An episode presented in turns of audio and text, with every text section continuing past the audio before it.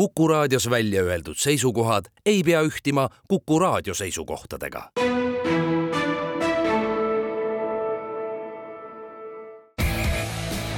vutikohus.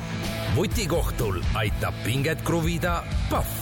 tere tulemast kuulama Kuku raadio jalgpallisaadet Vutikohus, mis on eetris igal neljapäeval ning mida juhivad Ott Järvela jalgpalliportaalist sokkernet.ee ja Andres Vaher Õhtulehest nagu ikka, saab meie saadet järelkuulata Kuku raadio koduleheküljel ja äpis Player ning samuti iTunesis, Spotify's ja Postimehe spordiveebis. vutikohus võtab igal nädalal jutuks aktuaalsed jalgpalliteemad ning tähtsamad jalgpallikohtumised algab vutikohtu kahesaja kahekümne kuues istung ning meie saate esimene osa kuulub, nagu meil ikka kombeks on, möödunud nädala jooksul peetud tähtsamate jalgpallikohtumiste lahkamisele ning sedapuhku teeme sellist natukene Rosolje meetodit siin esimeses osas ehk et alustame Saksamaalt, siis liigume meistrite liiga juurde, sealt Hispaania liiga juurde ja siis edasi Inglismaale, Aafrikasse, Aasiasse. aga tõepoolest alustame Saksamaalt, sellepärast et laupäeva õhtul Bundesliga-s peetud väga oodatud kohtumine pakkus tulemuse, mis oli meelepärane kõikide jalgpallisõprade jaoks, kes ei ole Müncheni Bayerni toetajad. sellepärast, et Bundesliga liidermeeskondade duell äh, Leverkusenis lõppes kohaliku Leverkuseni Bayeri kolm-null võiduga Müncheni Bayerni üle. selles mõttes natuke nagu jäähoki stsenaarium oli, et viimase värava lõi Leverkusen tühja väravasse, kui Manuel Neuer oli saadetud nurgalöögi ajaks vastase karistusalasse ja siis äh, Frimpong jooksis selle palliga vastase värava suunas, mis oli valvet ja lükkas palli võrku. aga kolm-null võit Leverkusenile, kelle edu Müncheni Bayerni ees on nüüd kolmteist vooru enne Bundesliga lõppu viis punkti ja no selle, selle mänguga seoses on mm, nii mänguga kui ka sellest tulenevate asjaoludega seoses on hästi palju mm, tahke, mida kõike mm, tuleks läbi käia. alustame siis sellest äh, mängust endast, et ähm, et ähm, noh, kõige olulisem vast siis oli see, et, et Toomas Tuhhel mm, noh, kas siis äh, pragmaatilistel kaalutlustel või vastast äh, austades, kartes muutis siis äh, Bayerni tavapärast äh, mängu äh,, mängujoonist. tegi Peep Guardiola lükke Äh, nojah, võib-olla no,. see oli, see oli see vana hea Guardiola, vaata ennem kui ta nüüd Manchester City'ga meistrite liiga mullu ära võitis, siis tal oli ju kombeks meistrite liiga otsustavates mängudes Man City'ga teha mingeid ootamatuid lükkeid, muuta süsteemi, noh, kõige kuulsam neist oli see, kui ta jättis Rodri meistrite liiga finaalis pingile ja, ja seetõttu tegelikult äh, too mäng Chelsea'le kaotati kaks tuhat kakskümmend üks. jah, aga, aga Pepp on pigem, kui ta, kui ta on neid muutusi teinud, siis on see tulenenud mingisugust kindlast mängija persoonist, noh näiteks ei ole kasutanud õiget ründ nagu nii-öelda noh, on valeründajaid kasutanud või mingeid muid selliseid asju, aga Tuhheli praegune kaalutlus oli siis see, et ta, ta pani oma formatsiooni siis nii-öelda peeglisse Leverkuseniga ehk et äh, pani üks-ühele nagu sama formatsiooni ehk et siis arvates, et tõenäoliselt, et see on siis kõige tõhusam moodus siis noh, üks-ühe vastu olukordades seda, seda Leverkuseni mootorit äh, peatada. Noh, tagantjärgi hea lihtne öelda, noh, et Äh, meister lõikas näppus, et äh, noh, paljud muidugi ei nõustu antud olukorras selle, ei nõustu üldse Tuhhelit meistriks nagu, nagu nimetama, aga, aga, aga igatahes sellise lükke tegi, aga, aga see ei aidanud nagu mitte üks mitte üks teps ja eriti iseloomulik, see kõige selle juures oli see, et eks selle lükkega ju äh, Tuhhel üritas siis seda, seda Leverkuseni ründemängu, mis siis väga suuresti mm, tugineb ääremängijatel Äh, mäng läks nagu saatuse irooniana sellisena, et kõik, kõik Leverkuseni väravad lõid, äh, lõid äärekaitsjad. nii algkoosseisus olnud äärekaitsjad kui ka vahetusest tulnud äärekaitsjad ja irooniale lisas veel eriti toreda sellise vahva knifi see, et kaks-null värava oli mängija number kakskümmend ja kolm-null värava oli mängija number kolmkümmend. okei okay., aga, aga te, tegelikult Tuhhel vist ju tunnistas seda eksimust juba mängu käigus, sellepärast et ta tegi pärast null-kaks kaotusseisu jäämist vahetuse, kui tõi väljakule Toomas Mülleri ja Joshua Kimmichi ja, ja korraldas ju formatsiooni ümber aga siis oli mäng läinud, siis oli tund, noh, oli... tund aega oli mängitud, seis oli kaks-null ja noh, ega tegelikult see lüke nagu väga ei aidanud ka, et, et, ähm, et äh, noh, igatahes ähm, Leverkusenile väga kindel, äh, väga tähtis ja igati, igatepidi väga-väga võit äh, üks asi nüüd on see, et tabelis on, on vahe viis punkti, et meil on veel mängida kolmteist vooru. jah, kolmteist vooru, viis punkti, noh kuidas keegi tahab, noh, et kuidas no,, kuidas keegi tahab võtta, eks noh. me kõik mäletame, kuidas Dortmundi Borussia eelmine aasta meistritiitli maha mängis ja, ja mis põhjusel Dortmund eelmine aasta maha mängis, oli see, et nad teadsid, et see Bayern tuleb sealt tagant ja see teadmine, et see Bayern on ikkagi olemas ja et ta on niivõrd kaua järjest meistriks tulnud, kõik hooajad alates kahe tuhande kolmeteistkümnendast ehk et üksteist hooaega järjest, see hakkab seda liidrit mingil hetkel painama ja küsimus on see, et kas see liider saab nende pingete ja painetega hakkama. just, eriti eriti veel kui, eriti veel kui sellel praegu juhtival klubil on, siis no see, see on neil kuklas see, see hüüdnimi Neverkusen ehk et Leverkuseni Bayer on meeskond, kes ei ole kunagi Saksamaa meistriks tulnud. kuigi nad on piisavalt suur klubi, kelle ja puhul võiks arvata, et nad oleksid seda millalgi saavutanud. no äh, Leverkusenil äh, no mingil hetkel tulevad neil veel ju Euroopa liiga mängud just, ka juurde, aga just. tõsi, need alles märtsis, et nad praegu kaheksandikfinaale, vabandust, kuueteistkümnendikfinaale nad ei mängi. aga selle mängu puhul oli äge, oli minul, mulle meeldis näha seda, mis juhtus pärast mängu. ja seal oli peaosas, kes muu kui Leverkuseni Bayeri kapten, meie armsa põhjanaabri esindaja ja esiväravaht Lukas Radetški. kuidas seda võitu tähistati, see oli, see oli midagi era-, see oli ikkagi erakordne vaatepilt, kuigi Saksamaal see koos fännidega tähistamine mängimine, see on niikuinii väga oluline osa sellest iga laupäevasest jalgpallirituaalist. aga, aga see, kuidas esmalt meeskond oli juba valmis fännidega koos tähistama, Radetški vaatas, et peatreeneriks Xavi Alonsot ei ole, jooksis minema vahetuspingi juurde, nõudis, et Alonso peab ka tulema meeskonnaga koos sinna fännide ette tuli Alonso, siis selle peale muidugi puhkes esimene juubeldus, skandeeriti Xavi Alonso peatreeneri nime ja siis, kui esimesed laulud olid ära lauldud, siis äh, Radetški ronis ise sinna fännitribüünile, fännide juurde, võttis megafoni ja juhatas seal hüüdeid ehk tegi täpselt seda, mida ta on teinud äh, siin Helsingi olümpiastaadionil viimastel aastatel Pohjoiskaare fännitribüüniga. ehk et äh, õppis koondises nipid selgeks ja rakendab nüüd Saksamaal. ja, ja seda, ehkki noh, tegelikult Saksamaal sellised koos mm, tähistamised on üsna tavalised, siis noh, ikkagi tegelikult Bayerni leer konkreetselt mitte seda Hradetski ja teiste mängijate tähistamist, aga üldse seda, seda, sellest mängujärgset võtsid ikkagi väga valulik, siis ma toon selle nagu teistpidi paralleeli, et äh, Joshua Kimmich, kes on siis noh, ikkagi Bayerni praeguse äh, koosseisu, noh, võib öelda, et koos Toomas Mülleriga on nemad ikka selle, selle koosseisu nagu ja no ja Manuel Neuer, need kolm on nagu need käilakujud seal, seal võistkonnas, et samamoodi kui Bayern eelmisel hooajal oli see vist võitsid ühe väga raske mängu võõrsil Freiburgiga, mis ei ole päris, päris tarbimäng, aga ikkagi, ikkagi Lõuna-Saksamaa noh, kohtumine, siis samamoodi Kimmich läks ja õrritas natuke vastas nagu vastastribüüni ja see äratas hästi palju pahameelt, et, et sellised asjad käivad käivad selle jalgpallikultuuri juurde, kellele meeldib. see on väga hea, et nad käivad. ja muidugi absoluutselt, see on ju inimlik tegelikult ja, ja, ja see on normaalne, aga, aga mis nüüd siis puudutab ikkagi noh, Leverkusenil on kõik hästi, lihtsalt küsimus on nüüd, kas nad, kas, kas see hoog kestab? Äh, praegu ei ole küll mitte ühtegi märki, noh, konkreetselt kakskümmend üks mängu, mitte ühtegi kaotust, eurosarjas samamoodi terve see hooaeg ei ole kaotatud ühtegi mängu. ehk et ei ole ühtegi märki, miks, miks ei peaks kestma, aga, ja mõned agad siin on, aga mis nüüd Bayernisse puutub, siis, äh, siis tegelikult ju, kui sul on kahekümne ühe mänguga äh, kuusteist võitu, kaks viiki ja kolm kaotust, see see on täiesti normaalne bilanss, iga, igal tavalisel aastal kulgeksid nad sellega, kas siis juba meistrikursil või oleksid liidrid mingisuguse väikse vahega. sel aastal lihtsalt ei ole nii, sellepärast et üks meeskond on, on veel parem Mm, ja see siis tekitabki neid mullistusi, mis praegu Bayernis on ja mis said siis uue nii-öelda sahmaka sinna kerisele eile õhtul. just nii, sellepärast et meistrite liiga kaheksandikfinaali avamängus läks Müncheni Bayern võõral väljakul vastamisi Rooma Laatsioga ähm, ning äh, eks see ärevus sellest koduliigast äh, saadud kaotusest kandus ka sinna esitusse üle. Bayern löögi täpsus oli selles mängus katastroofiline, lööke raamidesse saadi vist lõpuks mängu peal üks. ja kui meil, eh, kas saadigi üks, kas, kas oli isegi null? Eh, Leverkuseniga mängus saadi üks. Eh,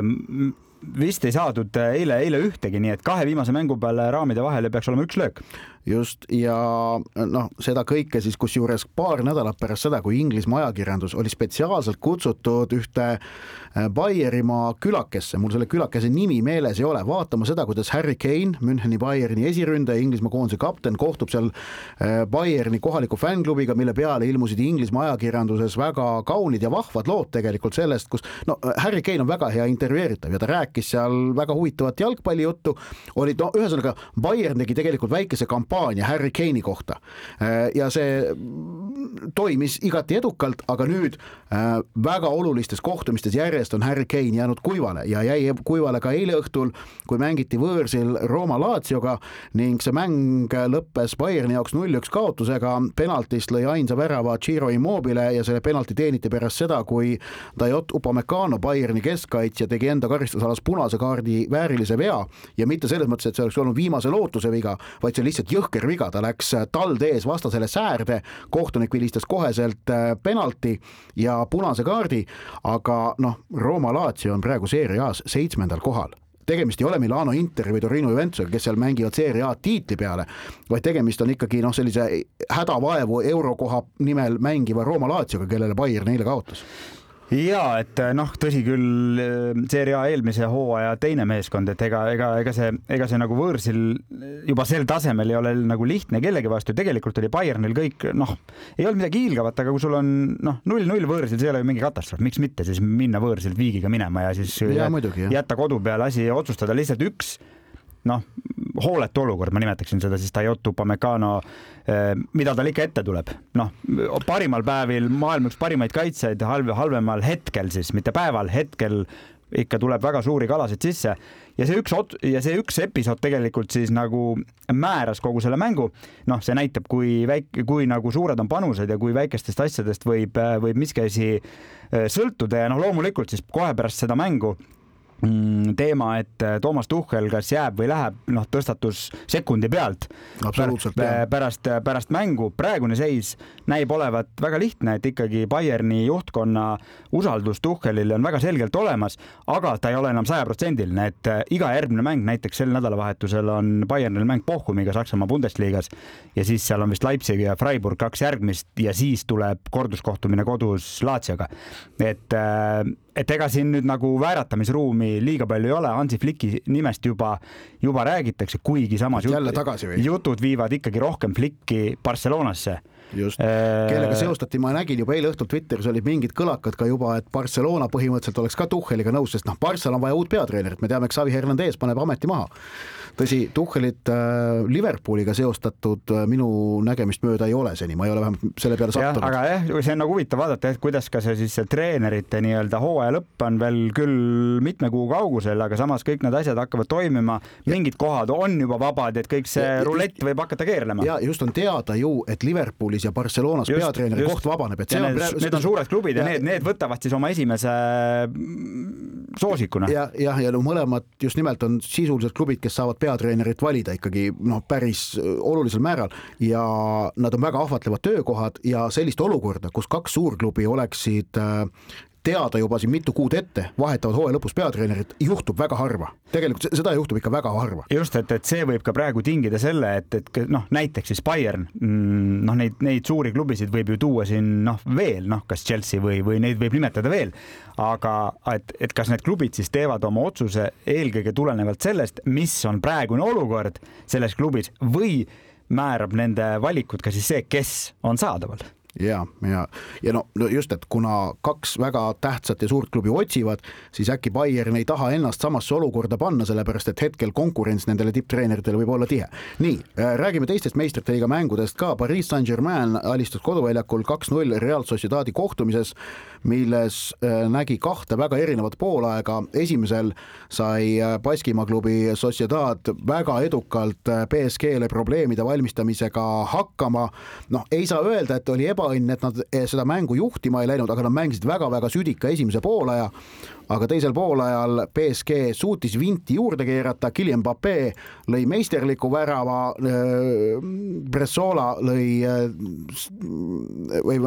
Barcola lõi, lõi samuti veelgi meisterlikuma värava ning sellest kaks-null edust BSG-le oli tol õhtul, tundus, et igati küll, nad kaks-nulli peal enam väga palju riske ei võtnud, otsustasid, et kaks-null edu võõrsile kaasa võtta on väga sobiv seis jah, ma siin, ma siin üldistaksin, et kuna meil siis nüüd kahel eelmisel õhtul olid äh,, olid väljakul no ilmselt meistrite liiga selle hooaja neli kõige suuremat soosikut, no keegi võib-olla vaidleb vastu, et äkki Londoni Arsenal on isegi rohkem soosik praegu kui Pariis Saint-Germain, las see jääb nüüd maitse asjaks. aga neli väga suurt soosikut ja siis, kui Bayern, Bayern koperdas, siis kõik kolm ülejäänud võtsid vähem või rohkem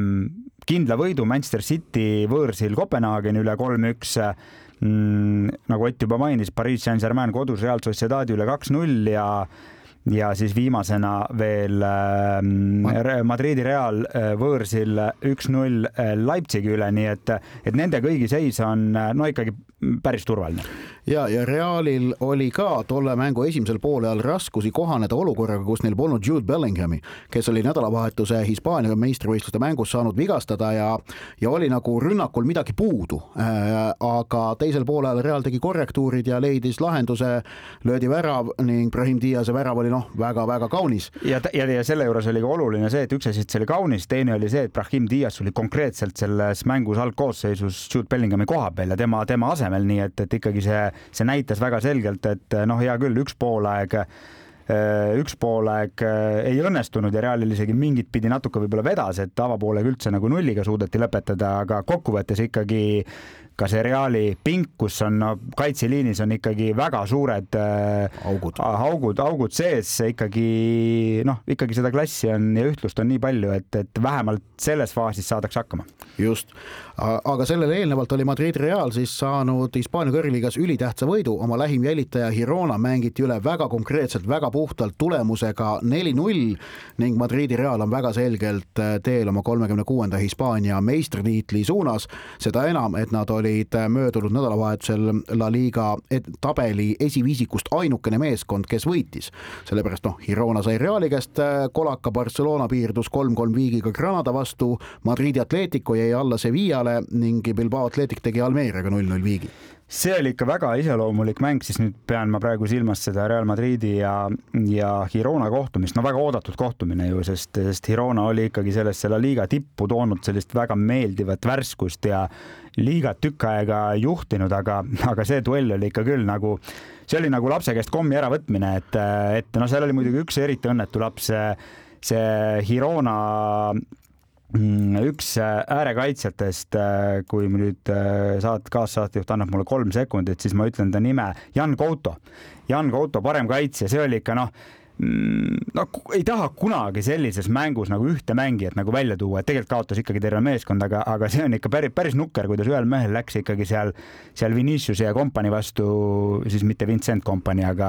Viniciuse ja, ja Reali kompanii vastu läks ikkagi asju järjest nihu, aga, aga no üliveenev just, et, et Real võitis selle mängu ikkagi nagu sellise postmargi ladus sinna, sinna sellise templi sinna ümbriku peale, et. aga no see on tüüpiline olukorras, kus ega, ega terve Hirona Barcelona meeskond teadis, et see on nende suur võimalus püsida tiitlivõitluses. Ja siis, kui seal Jan Coutol seal kohe mängu alguses Viniciuse vastu paar asja ebaõnnestusid, siis äh, hakkasid need pinged kuhjuma tal personaalselt ja noh, ei saanud lihtsalt hakkama, et selline asi aeg-ajalt tippspordis juhtub. tippsport tegelikult ongi pingetega toimetulemise asi, ega need oskused on ju kõigil olemas, küsimus on selles, kes suudab need oskused äh, selles pingeolukorras, võistlusolukorras ka välja käia ja, ja säilitada. Ja noh, Madridi Real näitas tegelikult äh, siis möödunud nädala jooksul kahes mängus, et nad saavad nende pingetega väga edukalt hakkama, võites nii Hironat kui ka Leipzigit. ja, ja, ja siis avaringis oli, oli Real omavahelises mängus Hironat võõrsil kolm-null võitnud, nii et praegu on siis suurima tiitli pretend-, noh, nagu kaaspretendendiga ka omavaheliste mängude seis seitse-null, et noh, see, noh, see räägibki selget keelt, aga, aga sellegipoolest need, need mängud on küll Hironal läinud vussi, aga aga vahe Realiga on viis punkti, täpselt sama palju kui Bayernil Leverkuseniga. ja, ja Barcelona jääb omakorda Gironale ka viie punktiga alla. see omavahelised mängud on tähtis siis põhjusel, et Hispaanias on omavahelised mängud esimene mängulahutaja või viigilahutaja. Inglismaal ei ole, Inglismaal on esimeseks viigilahutajaks üldine väravate vahe ning ei ole üldse välistatud, et me seda üldist väravate vahet siin hooaja lõpus passima hakkame. see on ikka päris huvitav, mis praegune seis on seal väravate vahe osakonnas. ja, aga võtame kõigepealt tabeliseisu, noh nii Liverpool, Man City kui Arsenal, kolm tiitlipretendenti, kõik võitsid. Liverpoolil on viiskümmend neli, Man Cityl viiskümmend kaks, Arsenalil viiskümmend kaks punkti. Man Cityl okei okay,, on mäng varuks, aga väravate vahe. Liverpoolil pluss kolmkümmend kaks, Man Cityl pluss kolmkümmend üks, Arsenalil pluss kolmkümmend üks ja kusjuures, kui väravate vahe on võrdne, vaadatakse löödud väravate arvu Liverpool viiskümmend viis, Man City viiskümmend kuus, Arsenal viiskümmend kolm. kõik need kolm esmast näitajat on ikka väga ühte auku, see on ülimalt tasavägine tiitlivõitlus, sellest tuleb klassika. ja et, et ähm, ei äh, äh, siis ise löödud ja endale lastud väravad selles äh, nii-öelda arvestuses on äh, selle, selle kolmiku omavahelises võrdluses ei, on, on kolme numbri sees et, et noh, nii, nii tihedalt praegu minnakse ja punktid on siis kahe punkti sees, nii et, et noh, eks näha on, kas tuleb klassika, sellepärast et no Man City, mul, mul, mul on, mul on ikka see, see, ma muidugi loodan, et tuleb ja lõpuks noh, ükstapuha, kes võidab, et, et kui niimoodi nagu läheks lõpuni, oleks, oleks ütlemata äge, aga mul on ikka niisugune kuri tunne sees, et City siit tuleb ja rebib niisuguse, ta teeb sellise pika spurdi nagu äh, nagu äh, kes teeb pikki spurte suusatamises. Tahtsin öelda Kläbo, aga tema ei tee pikki spurte, tema no, teeb torni, Torni Muugren tegi kunagi pikki spurte. no vot, et see teeb sellise pika spurdi ja lihtsalt teistel on hapnik otsas ja köš no.. nagu Jarl Magnus Riiber Otepääl. voh, voh, hea näide, vot nii. on ju, just. aga üks meeskond, kellel on põhjust äh, lisaks siis kusjuures, vabandust, vahele segan, aga siis spurdi peaosaline on Jarl Magnus Riiber, Riiberi kaasmaalane Erling Braut Haaland okei okay., jah, aga lisaks esikolmikule, kes kõik võitsid, võitis taas ka Manchester United, nad võitsid kolmanda mängu järjest ja see on kui tabeli täitsa tippu ei kuulu, siis kolmemänguline võiduseeria on alati ikkagi juba kõva valuuta äh, Premier League'is. Ja Man Unitedi jaoks oli see võit väga oluline, nad alistasid enda ees tabelis vahetult paikneva Aston Villa võõral väljakul kaks-üks tänu vahetusmehe Scott McTominay väravale. Mängus, mis oli, lõhnas pigem tegelikult iseloomu järgi ikkagi viigi järele, aga United suutis selle võita ning kaotab nüüd viiendal kohal paiknevale Villale viie punktiga. Ja viies koht on Inglismaa Premier League'is tänavu säärane, mis võib ka meistrite liigasse viia, see ei ole veel kindel, see sõltub sellest, kuidas Inglismaa klubid kokkuvõttes tänavu Euroopas esinevad. aga viies koht on väga oluline, see on nagu teada ja United on ennast tasapisi praegu sinna võitlusesse vinnamas ja no viis punkti on Aston Villaga, kuus punkti on Tottenhamiga, et noh, et kas nüüd nagu mõlemat õnnestub siin lõpuspurdiga ära võtta, see, eks, eks, eks seda näha ole, see on keeruline, aga aga jah, et, et isegi tegelikult on Manchester United ennast toonud ikkagi veel selgelt ka selle neljanda koha ehk selle automaatselt meistrite liigasse viiva koha, koha konkurentsi, nii et. ja kui sealt põhjust nimetada, siis ma, ma, ma paneks näpu nagu ühele asjale, et äh, ründaja on hakanud lööma väravaid, et Rasmus Höylund, tõsi küll, Premier League'is on praeguseks löönud vist alles viis või kuus väravat, neid ei ole palju, aga noh, aastavahetusest alates on Rasmus Höylund löönud stabiilselt väravaid ja see mõjutab meeskonna mängu ikka väga oluliselt, kui su see tipuründaja teeb skoori, see vabastab terve võistkonna teatud pingetest, äh, teatud mingitest äh, sellistest noh, tagasi hoidjatest, piduritest ja no see on aidanud Unitedil mängu käima saada isegi olukorras, kus neil tagaliinis on jätkuvalt vaja teha siin jooksvalt ümberkorraldusi, et Lisandro Martines tervenes, sai kohe uuesti vigastada. ehk et noh, seal tagapool asjad ei ole niivõrd stabiilsed, nagu nad tahaksid, aga ees Höylund on pakkunud praegu stabiilsust nii, liigume oma juttudega edasi, meil on mänge peetud möödunud nädalal palju tähtsaid ja erinevatel kontinentidel, siis selgusid meil ka äh, möödunud äh, nädala lõpul äh, nii Aasia kui Aafrika meistrid. no ma arvan, et Aasia meistrivõistluste finaalil lihtsalt meil ei ole aega pikalt peatuda, mainime siis ära, et Katar kaitses tiitlit, alistas finaalis äh, Jordaania kolm-üks, noh, oli siis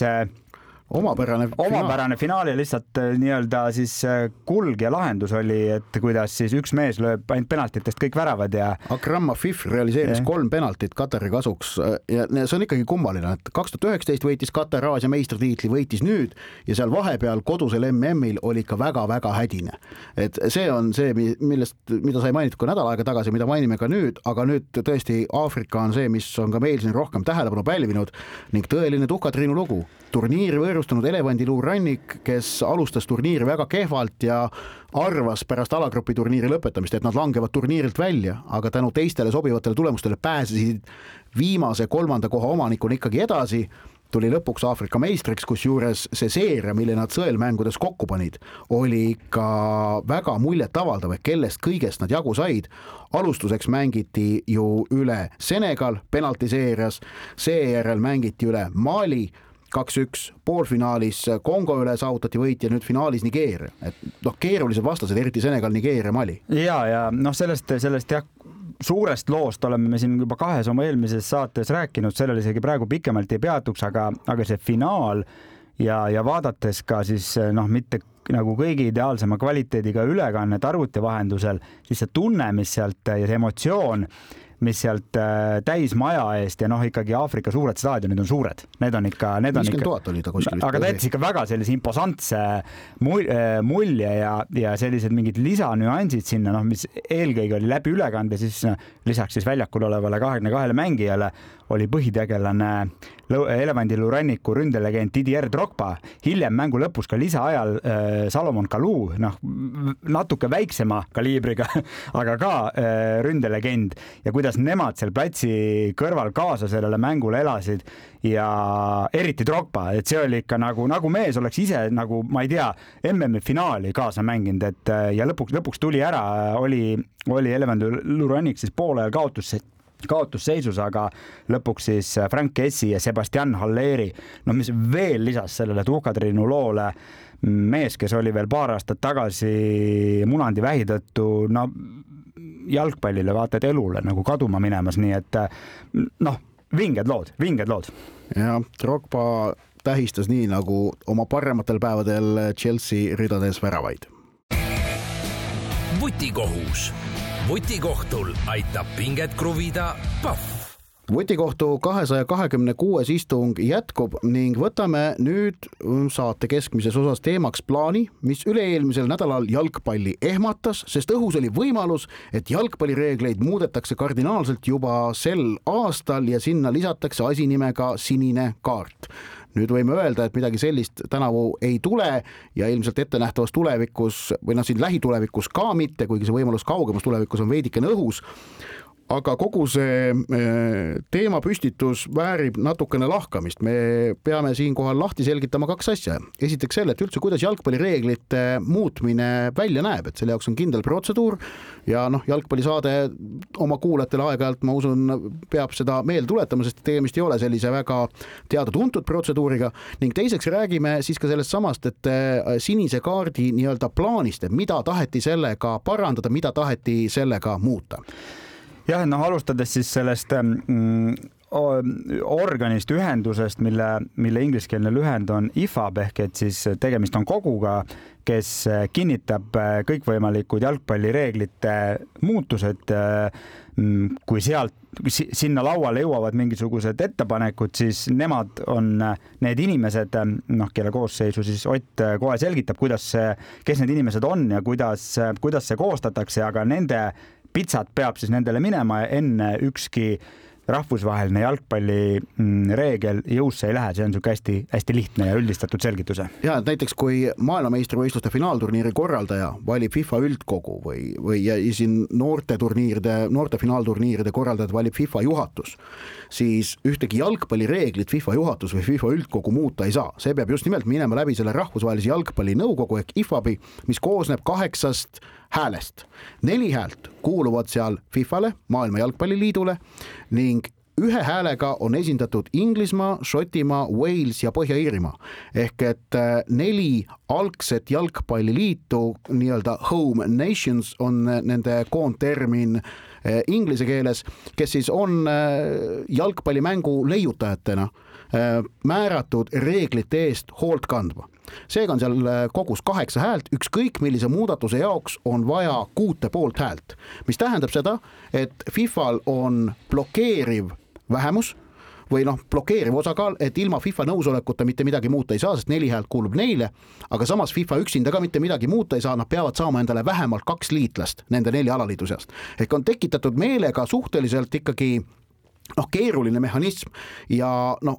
ma arvan, et see tegelikult äh, aegade jooksul on ennast igati õigustanud, et säärane reeglite muutmise keerukus tagab selle, et tormakaid otsuseid ei tehta ja praegu see sinine kaart, ma arvan, liigitub ka ikkagi asja alla, mis äh, oleks olnud selgelt tormakas ja toores lahendus ning äh, kas siis lahtisest uksest sissemurdmine või üleüldse iseendale probleemide püstitamine, et siis neid kangelaslikult lahendama hakata ja eks nüüd enne kui me jõuame veel selle sinise kaardi mõtte ja olemuse ja, ja plusside, noh, kas neid üldse on, aga miinuste lahkamise juurde, siis veel selline selle IFAB-i ja kuidas see reeglid üldse jõustuvad juurde, niisugune huvitav detail, et, et kui kui see idee oli avalikkuse ette tulnud ja tegelikult juba oma esimesed vastureaktsioonid saanud, siis võttis sõna ka UEFA. Eh, siis eh, lahkuv president, kes siis ütles ühe lausega selle idee kohta, et eh, kui see jõustuks, siis see tähendaks jalgpalli surma ehk et ka sellised, selliseid kohti siis nii-öelda jalgpallipoliitika skeenel kasutatakse endale siis plusspunktide saamiseks. ja, aga idee mõte oli siis see, et sinise kaardi saanud mängija eemaldatakse väljakult kümneks minutiks tegemist on, äh, ma ütleksin ilmselt ragbist võetud mõttega. Äh, ragbis nimelt kehtib reegel, et kui punane kaart on täpselt sama funktsiooniga, mis ka jalgpallis punane kaart, et mängija välja ja võistkond mängu lõpuni vähemuses, siis ragbis kollane kaart tähendab kümneminutilist eemaldamist. mitte ainult hoiatust, vaid ka kümneminutilist eemaldamist. muuseas, sarnased nii-öelda pikemat sorti eemaldamised on kasutusel ka maahokis ja jääpallis, mis on tegelikult mängijate arvu poolest võrreldav võrreldavad noh, siin jalgpalli ja, ja rugby'ga, et mõlemal on kümne mängija väljakul. et see idee on tulnud, ma arvan, et noh, rugby'st nii-öelda originaalse olnud ja siis seda sinist kaarti taheti hakata rakendama kahel puhul. esiteks kõikvõimalikud nii-öelda protesteerimised kohtuniku suhtes või pahameel kohtuniku suhtes. no mitte kõikvõimalikud, aga ütleme sellised noh, siis äh, kohtunikke, kohtunikke kuidagi verbaalselt eriti ründavad, noh. no, no sellised asjad, mida kohtunik peab vajalikuks äh, sanktsioneerida, ühesõnaga, mis, mis ületavad, millest seni on, oleks on antud kollaseid, siis need oleksid hakanud olema sinised, millega oleks kaasnenud kümneminutiline eemaldamine. Ja teine asi on siis äh, need äh, nii-öelda, no inglise keeles on väljend professional foul, aga, aga säärased äh, vead, mida tehakse väga-väga sihilikult vastaste kiirrünnakute takistamiseks, aga mis ei ole reeglite järgi punase kaardi väärilised ja mis tegelikult ei peaks ka olema punase kaardi väärilised. ja no need... küünilised taktikalised vead, nimed, ma nimetaksin neid niimoodi. no näiteks võistkond läheb äh, neljakesti kahe kaitsja vastu kiirrünnakusse ja siis see mängija, kes on palliga, tollele jõuab üks kaitsja veel selja tagant järele ja tirib ta särgist lihtsalt nahaalselt maha. Äh, selles olukorras punaseks kaardiks pole mitte mingit põhjust, sest viimase lootuse veaga tegemist ju ei olnud, see on lubava rünnaku peatamine, kollane kaart aga noh, ütleme nii, et, et, et sellistes olukordades see kollane kaart nagu võib tunduda liiga leebe karistusena. nojah, et, et siin need selle idee siis nii-öelda äh, esiletoojad kasutasid üht näidet ähm, jalgpalli viima-, äh, EM-i finaalist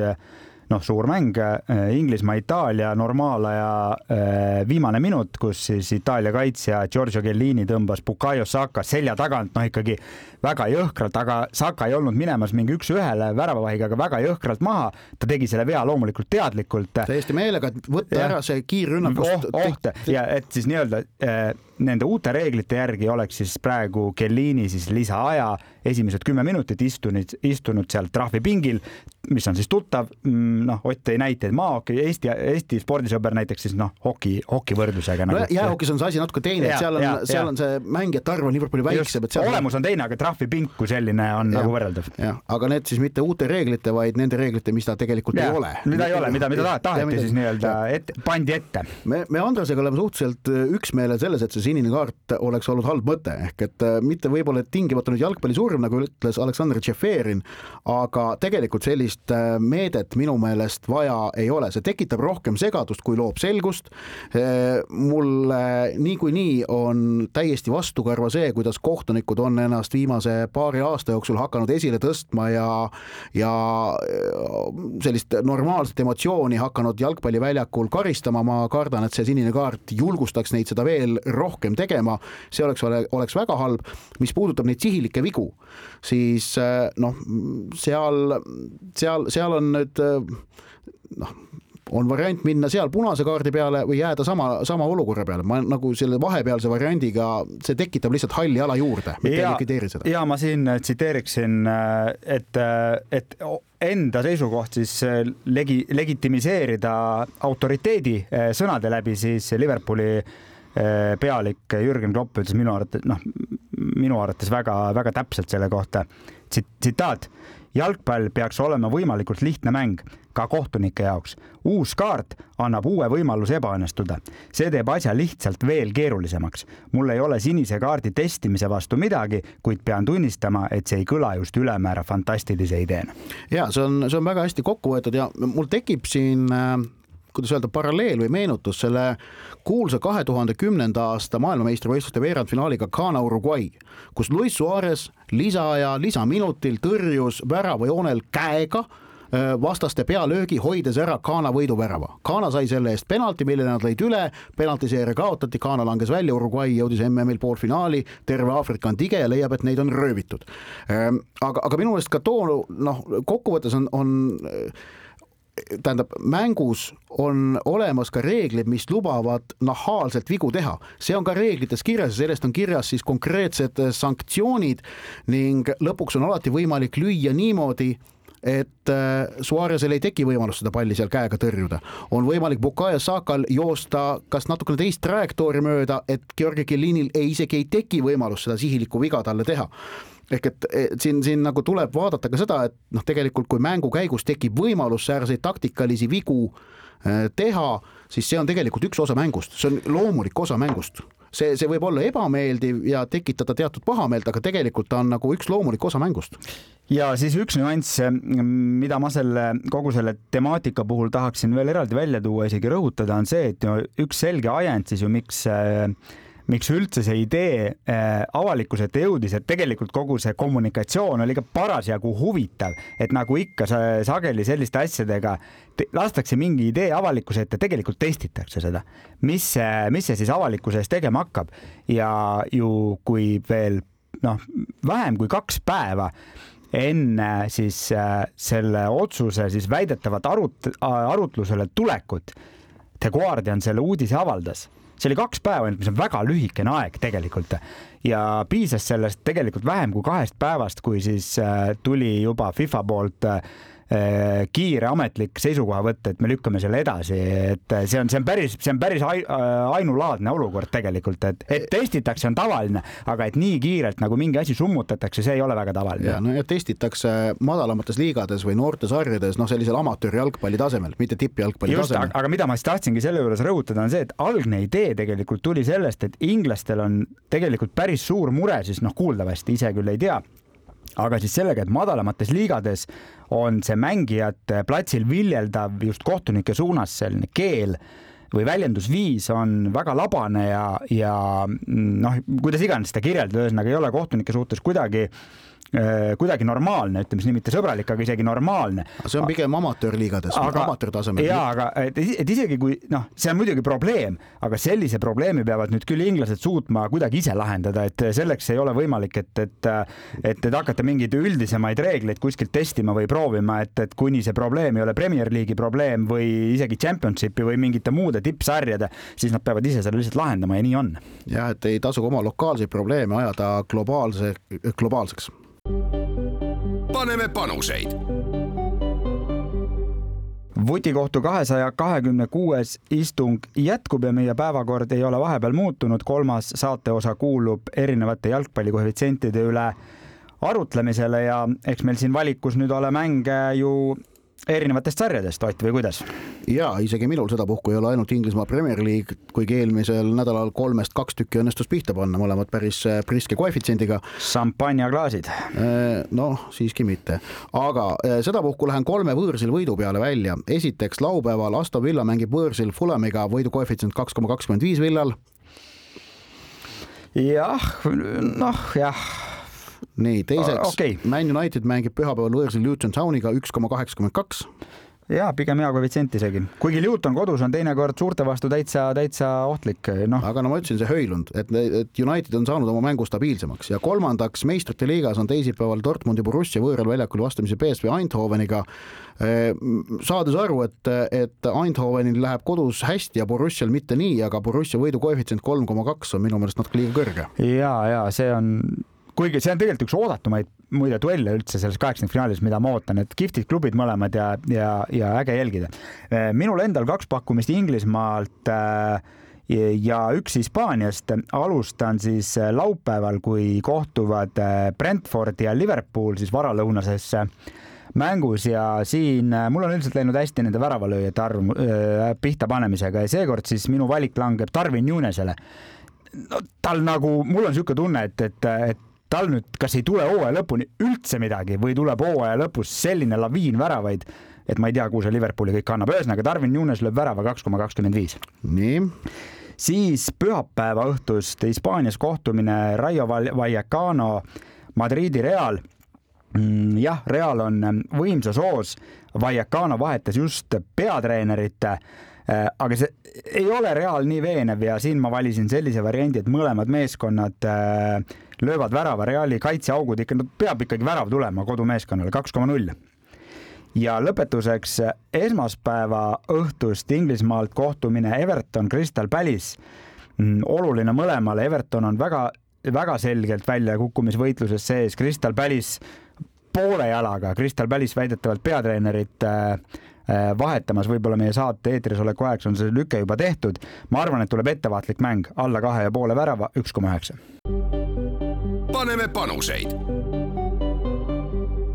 vutikohtu kahesaja kahekümne kuues istung alustab oma lõpusirgega ning vaatame nüüd põgusalt otsa eesoleva nädala jooksul peetavatele tähtsamatele jalgpallikohtumistele. Eesti jalgpallihooaja alguseni pole enam jäänud palju aega, esimene võistlusmäng, kus midagi vahel, peetakse järgmise nädala laupäeval, aga see on järelikult meil mitte nüüd meie selle rubriigi raames. nii et seetõttu räägime ainult välismaal toimuvast ning äh, no laupäeval äh, tulevad väljakule Inglismaal kõik kolm tiitlipretendenti. Liverpool mängib ennelõunal võõrsil Brentfordiga, Arsenal mängib võõrsil Burnley'ga ja Manchester City mängib kodus äh, Chelsea'ga. kellel neist kolmest on nüüd kõige keerulisem mäng? ja noh, kindlasti mitte Arsenalil, ma julgeks öelda, lihtsalt puhtalt tabelile peale vaadates ja noh, eh, ma ikkagi arvan, et Cityl, kuigi, kui, kuigi nad on kodus, aga Chelsea näitab selliseid äh, nagu, nagu on selline see, see elustamisaparaat hakkab nagu vaikselt sealt nagu küljest ära tulema, kuigi siis jälle tuleb anda natuke sellist särtsu. Ja, ja siin seda, seda mängu võib mõjutada ka selle meeskondade esimene duell sel hooajal, see neli-neli viik Stanford Bridge'il. Ja noh kindlasti on seal üks mängija, kellel on no tohutu, tohutu tõestamistahe, see on Cole, Cole Palmer, Palmer., just, eh, kelle Peep Guardiola klubist põhimõtteliselt minema lõi, kui Palmer ütles, et ta tahab rohkem mänguaega. ja, ja noh, Palmeril on tohutu tõestamistahe seal Man City oma kasvatajaklubi vastu. et ma arvan ka, et Cityl on neist kolmest kõige keerulisem, aga ma arvan, et kõik kolm võidavad lõpuks. Lever, Leverkusen mängib võõrsil Heidenheimi. ja Heidenheim, kes on ikkagi uustulnukana Bundesliga-st selle hooaja, no niisugune väikest sorti üllataja seal väga vapralt tabeli keskosas osas vastu pidanud, aga noh, Leverkusen on, aga see on potentsiaalne koht, kus no Leverkusen peab ettevaatlik olema. pühapäev on tiba, tiba vaiksem, isegi harukordselt vaikne viimaste viimaste nädalate lõikes, noh, mida saab välja tuua, on siis Madridi Reali see juba eelmises saate osas mainitud kohtumine Raio Vallecanoga, samuti siis Inglismaalt mäng Luton, Manchester United ja Saksamaalt siis Bochum, Bayern. ja Bochum on küll tabelis alles neljateistkümnendal kohal ja, ja väljakukkumistsoonist ainult kuue punkti kaugusel, aga nad on kahekümne ühest mängust kaotanud ainult kolmandiku ehk seitse. Nad on võidatnud väga vähe, ainult neli, aga teinud kümme viiki ehk et järelikult Bochum on meeskond, keda on keeruline alistada. ja Bayernil sellises olukorras võõrsil väike staadion on seal Bochumis, minna sinna nagu noh, kindlasti seda mängu võitma äh, ei, ei ole lihtne ülesanne. kui nüüd tahta seda rõvedat toortõlget inglise keeles teha, siis potentsiaalne banaanikoor no miks seda potentsiaalselt ära juba ei tõlkinud äh, võimalik banaanikoor. jah, aga, aga siis äh, uude nädalasse minnes. uude nädalasse minnes tuleb keskenduda meistrite liigale. teisipäeval, tõsi, mängitakse, teisipäev-kolmapäev mängitakse ka Premier League'is mänge, nii Man City üks, kui mäng, üks mäng kummalgi õhtul. nii Man City kui Liverpool tulevad väljakule jah, üks teisipäeval, teine kolmapäeval. Man City kodus Brentfordiga, Liverpool kodus Lutoniga, aga meistrite liiga. Teisipäeva õhtul väga oodatud duellid Milano Inter versus Madridi Atletico ja PSV Eindhoven versus Dortmundi Borussia. ja et mõlemad just sellised äh, eeldatavalt võrdsed duellid, mm, kus no väike soosik, väiksed soosikud ilmselt on Inter ja Dortmund, aga just sellised paarid, kus on saanud kokku äh, üsna võrdsed meeskonnad, mitte nüüd megameeskonnad, et väga põnevad paarid, noh siis, siis.... see on, ütleme selline sarnase kaalukategooriaga satsid on vastamisi, erinevalt näiteks Kopenhaagen Man City duellist on ju, noh, kus on selgelt, et üks on sulgkaallane, teine on raskekaallane, eks ju. ja, ja tegelikult ka kolmapäeva õhtustel mängudel ei ole häda ühti, et Porto, Arsenal ja Napoli ja Barcelona nojah, Barcelona jaoks on ikkagi meistrite liiga jäänud, paistab, et sel hooajal nüüd ainsaks võimaluseks midagi no, võita. Itaalia meistrile Napolile samamoodi jah, neile ka, aga no ütleme, Napoli jaoks võitmine ei ole rutiin, vaid alati erakordne sündmus. Barcelona jaoks on aga võitmine vajadus, milleta jäämine tekitab suurt ängi, trotsi, pahameelt ja nukrat tulevikku. ja ajaloolises vaates jah, aga kui panna see sellisena, et kohtuvad äh, valitsev Itaalia ja Hispaania meister, kes on sel hooajal, ma ei hakka tabelid üle vaatama, aga pakun, Napoli on umbes seitsmes või kaheksas ja Barcelona on, mis ta on seal kolmas-neljas, et. Barca on kolmas hetkel jah. et, et noh, ja kumbki no suure tõenäosusega no Napoli kindlasti jah, ei tule, aga Barcelona ilmselt ka ei tule, et, et ikkagi meistrite liiga on, on, on hooaja, hooaja nagu viimane võimalus mingit pidi vot, aga sellised olid jalgpallijutud tänases Vutikohtu saates, tänamas, täname kuulamast meie kahesaja kahekümne kuuendat episoodi, saatejuhid olid Ott Järvela jalgpalliportaalist soccernet.ee ja Andres Vaher Õhtulehest uuesti oleme eetris ikka järgmisel neljapäeval kell kakskümmend üks ning meie saadet saab järelkuulata Kuku raadio koduleheküljel ja äpis Player ning samuti iTunesis, Spotify's ja Postimehes spordiveebis. Kuulmiseni. vutikohus. vutikohtul aitab pinget kruvida Pahv